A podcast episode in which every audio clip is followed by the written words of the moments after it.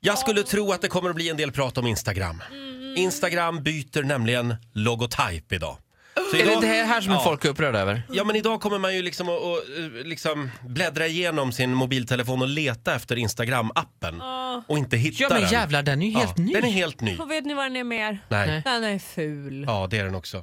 Den förra var ju liksom en gammal polaroidkamera. Varför byter man en, en logga som alla vet hur den ser ut? Ja. men alltså det är ju inte ens likt.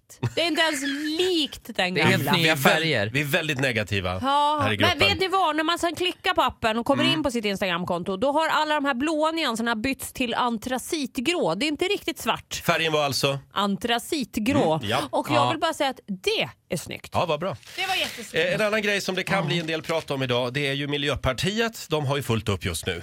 Kan man säga. Ja, De jo, det är har mycket kongress i helgen och där eh, finns det nu krav på att inrätta en fredsminister. Tycker det här är så gulligt, är det inte det? det? Det här är alltså en minister som ska se till så att det blir fred i hela världen. Ja. Men ska inte ministern, alltså, man ska ha en sån i, i partiet kanske då? Att först Ja, skapa fred internt så skulle internt. de behöva det. just Har du helt rätt i. De har lite grann att göra Ja. internt först. Nej men eh, kämpa på Miljöpartiet säger vi. Mm.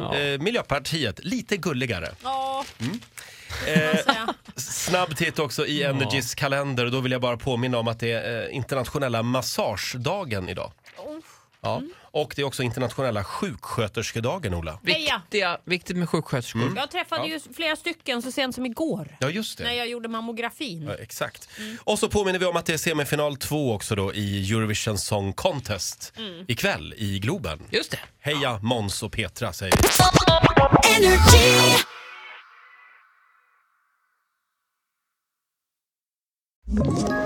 Ett poddtips från Podplay. I fallen jag aldrig glömmer djupdyker Hasse Aro i arbetet bakom några av Sveriges mest uppseendeväckande brottsutredningar. Går vi in med hemlig telefonavlyssning och, och då upplever vi att vi får en total förändring av hans beteende. Vad är det som händer nu? Vem är det som läcker? Och så säger han att jag är kriminell, jag har varit kriminell i hela mitt liv men att mörda ett barn, där går min gräns. Nya säsongen av Fallen jag aldrig glömmer på Podplay.